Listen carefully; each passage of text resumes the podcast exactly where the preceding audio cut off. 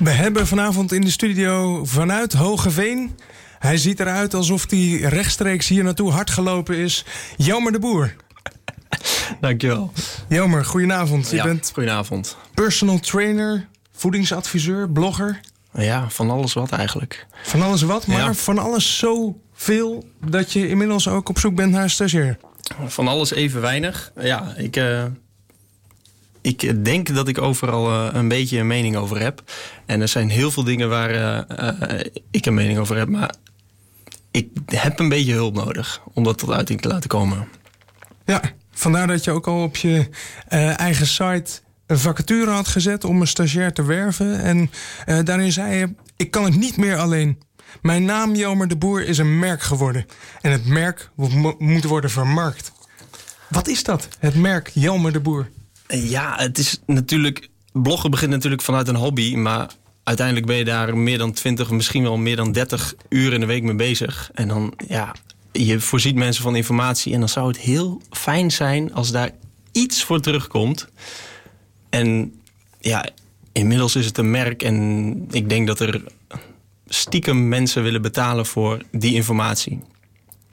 Stiekem. Stiekem, ja. Nou, misschien eh, durven ze dat wel eh, via de voedingsadviezen die je nu online verspreidt. eh, bijvoorbeeld eh, door af en toe eens een intakegesprek te voeren met iemand die een speciale vraag heeft op voedselgebied. We hebben zo iemand gevonden, Jori Sepp, ons wel bekend. Ja, hallo. Ehm, ja, ik eh, ben wel wat bezig met eh, voeding, maar ik ben nog meer bezig met eh, sport op dit moment. Ehm, ja, sinds een paar jaar heb ik het hardlopen opgepakt. En ik heb eh, ongeveer twee weken geleden mijn eerste marathon voltooid. Dankjewel. Die van Rotterdam. Die van Rotterdam, inderdaad. Eh, Hoe lang deed je erover? Ehm, mijn streeftijd was om de 4 uur. En ehm, ja, mijn eindtijd was 4 uur en 8 seconden. Dus Ja, dat is net jammer. Gefaald. Ehm, ja, dus ja, ik zou wel ehm, het graag nog een keer willen doen. Maar dan het eh, wat ambitieuzer willen oppakken. En dan gewoon echt voor de drie uur gaan. En dan is de vraag van... Hoe moet ik dat aanpakken? Moet ik mijn leven helemaal omgooien? Of eh, mijn dieet helemaal aanpassen? Ehm, misschien eh, dat eh, Jelmer daar... Ja, Jori kan- heeft dus net acht seconden te veel boven de vier uur gelopen. Ja. Maar je denkt, die vier uur, dat is gewoon niet jouw richting. Je moet naar de drie uur. Wat zou je daar dan voor moeten doen? Jammer. Ja, lekker dan. Dan, gaat, dan wordt het de directe, de extreemste case wordt erbij gepakt. Iemand die een, eh, die een marathon loopt. Ja, heb ik daar direct het antwoord op? Nee. Ehm, ja, wat, wat ik dan meestal doe is eh, eh, je verwijzen naar mijn eh, assessments, Jury. Ehm, waarin ik je eigenlijk zoveel mogelijk dingen vraag. Over je, over je voeding, voedingspatroon, over je beweegpatroon, over je rustpatroon, over je medische achtergrond, eh, over je situatie thuis en zelfs of je een blender in de keuken hebt staan. Dus, eh, Een, eh, een blender? een blender, ja. De keuken- Voor en boodschappenanalyse is dat, ja. Ik heb een blender. Ja, nou, Oké, heb je een genoeg informatie? ja, En Wat voor, ja, wat voor type vragen zouden dat eh, nog kunnen zijn? Eh, stel, ja, ik heb een blender, maar eh, is er in de keuken nog meer eh, van belang om de drie uur te kunnen halen, bijvoorbeeld? Nou ja, wat ik, wat ik van belang vind is dat jij eh, concreet kunt aangeven wat je precieze doel is. Nou, dat heb je net gedaan. Je wil die marathon onder de drie uur lopen. Nu heb ik ook al aangegeven dat ik geen marathontrainer ben. Maar ik kun kan je wel eh, daarmee op weg helpen. Ehm, op het gebied van voeding bijvoorbeeld. En wat ik je dan zou kunnen vragen is hoe een, eh, jouw afgelopen of jouw komende zeven dagen eruit zullen zien. eh, wat jij eet en drinkt. Eh, en ik zal je dan vragen of je dat kunt bijhouden in een schema. En ik, ik vraag expres niet wat je gemiddelde week is, omdat je dan altijd waarschijnlijk iets beters zegt dan dat je hebt gedaan. Dus daarom wil ik je dus vragen om de komende zeven dagen bij te houden wat je eet op welke tijdstippen, wat je drinkt op welke tijdstippen en hoe je je daarbij voelt. Ja. En aan de hand daarvan kan ik al een kleine analyse maken en misschien een advies. En misschien ook niet. En hoe je je daarbij voelt? Wat, waar, aan wat voor gevoelens denken we dan? Ehm, nou, het kan best zijn dat als je tijdens het eten van een hamburger bij de McDonald's je heel goed voelt en daarna misschien niet, dat je dat, als je dat noteert, daar eens over na gaat denken. En gaat denken, misschien moet ik dat de volgende keer niet doen. Dat kan. Ja, ja. Maar dat kan Dus- ook met een Dus in zo'n assessment, eh, in zo'n assessment dan eh, ga jij mensen erop wijzen dat als ze een hamburger hebben gegeten, zich toen wel goed voelden, daarna niet meer, dat dat dan door die hamburger komt. Nou, niet per se. Het kan ook, het kan ook zo zijn dat je eh, s ochtends iets eet waarbij je je helemaal niet zo heel goed voelt. En dat hoeft niet per se een hamburger te zijn. Dat kan ook iets anders zijn. En dan kunnen we het daarover hebben. Het is niet zo, zo, zo dat elke maaltijd eh, per se verkeerd of slecht is. Dat helemaal niet. Maar het geeft iets, iets extra's over eh, de manier van eten. Nee, maar het is moeilijk om in te schatten natuurlijk, omdat je niet één op één weet of dat wat iemand gegeten heeft per se het resultaat oplevert wat hij voelt. Want er zijn natuurlijk allerlei factoren. Hoe kun je ooit ceteris paribus, dus met alle andere factoren gelijk, zo'n assessment doen? Dat kan natuurlijk nooit. Dat kan niet. Maar, zoals- Maar het is wel wat waard. Natuurlijk is dat wat waard. Ik wil zoveel mogelijk weten. Alleen, ja, ik ben niet alwetend. En Jury is dat ook niet over zichzelf. Ehm, Nee, maar het is, eh, als ik het goed begrijp, een soort eh, proces van bewustwording. En dat je af en toe stilstaat bij van, eh, wat, wat voel ik nu eigenlijk? En hé, hey, dat kan wel eens door het eten komen. Te veel koffie 's ochtends of inderdaad een Big Mac. Dat, bijvoorbeeld. Of als je iets 's avonds bijvoorbeeld iets wil eten omdat je er aan toe bent, kun je erover nadenken. Heb ik over de gehele dag wel genoeg gegeten? Of als je 's ochtends geen honger hebt, maar wat door je strot duwt, waar zou dat dan door kunnen komen? Daar kun je over nadenken. Ik zeg niet dat ik daar direct een advies over heb. Maar we kunnen het er wel over hebben. Doorduwen. Precies. Ja. Handig om bij te houden, dat sowieso. Nou ja, wat, wat Juris zegt klopt wel. Het is wel echt een proces van bewustwording.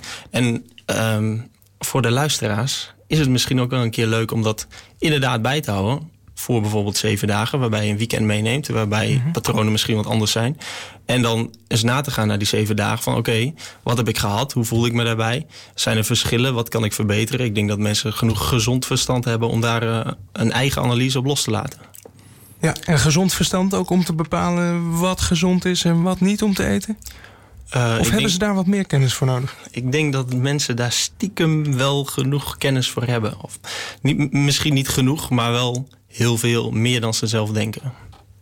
Mhm, Dat kom je tegen bij mensen die je ook traint? Mensen die ik train, mensen die ik spreek of wat ik lees eh, eh, op internet. Of ehm, de boeken die ik lees, vanuit welk standpunt die geschreven zijn. Mm, Wat ik daar zelf over denk is dat mensen gauw de schuld bij een ander leggen. Terwijl als je naar jezelf kijkt en kijkt naar de keuzes die je maakt, denk ik dat je al heel ver komt. Ja. Je hebt ook gezegd, eh, het ligt niet aan hormonen, genen of de grote boze voedselindustrie. Nee, het ligt aan jou. En zo Ja. probeer je mensen ook wakker te schudden. Ja, dat is een manier om ze wakker te schudden, inderdaad. Kijk, tuurlijk, het is wel zo dat als je in een, in een supermarkt loopt, dat je wordt verleid om verschillende aankopen te doen. Maar zo is dat ook in een kledingwinkel en elk andere winkel. En tuurlijk zijn de, de grote industriële voedselverwerkers of, of voedselproducenten, die zijn heel hard bezig om jou te verleiden. Ehm, maar je hebt ook een verstand en je kunt er ook over nadenken. En je, je, je kunt je dat realiseren dat zij dat doen. En dan zelf je keuzes maken. Ja, ik ben het er wel mee eens. Eh, ja, je wordt al- altijd verleid eh, om dan een beetje terug te komen op die marathon. Eh, ik had daar eh, om een of andere reden, het zal wel onbewuste marketing zijn, eh, zo'n flesje isotone drank gekocht. Ehm, Wacht even, isotoon, wat is dat, Jelma? Eh, iets met eh, heel snel op te nemen in het lichaam. Of lijkt op lichaams-eigen stoffen, denk ik. Oké. Straks even googelen. ja, ik zag in ieder geval de mensen in de reclame heel hard rennen. Dus eh, ik denk, eh, dat is iets voor mij. Ja, jij wil Ehm, ook heel hard rennen, dus je koopt dat? Ja, hij, hij, hij is nog eh, onaangebroken. Dus eh, ik, had hem niet, ik voelde hem niet dat ik het nodig had.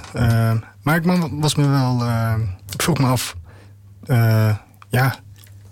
Kun je dit ook drinken na een uurtje tennis bijvoorbeeld? Of is dit echt alleen voor hardlopers bedoeld? Misschien dat Jelmer even naar de lijst kan kijken. Ja, isotonendrank. En het ziet er ook heel ja, sportief uit wel. Met dat eh, vijf? Olympische ringen. Ja.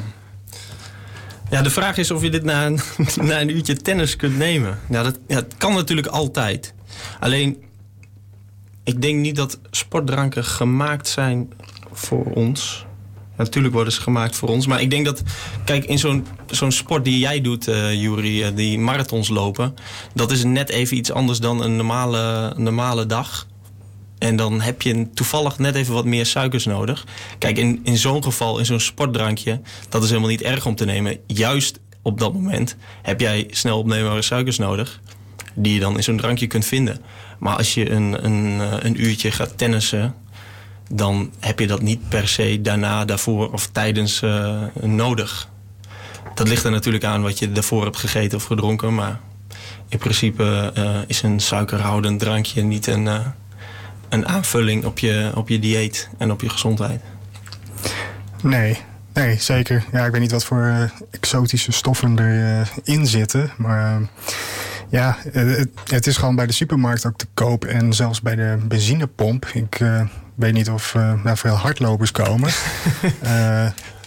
maar misschien wel, zoals ik wel kan zien, veel scholieren. En ja, die, die drinken alleen maar energy drink, lijkt het wel. Heel sportief. Heel sportief.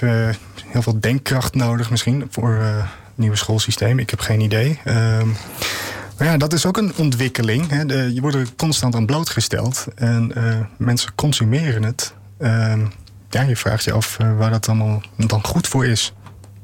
Ja, en is het op iets meer gebaseerd dan alleen maar de reclamecampagnes waar Jury uh, zich door laat verleiden? Hoe bedoel je? Z zit er iets in dat drankje waardoor je er inderdaad harder van gaat lopen? Nee, je gaat er niet uh, harder van lopen. Sterker nog, als je het drankje niet neemt, dan denk ik dat je nog iets harder gaat lopen.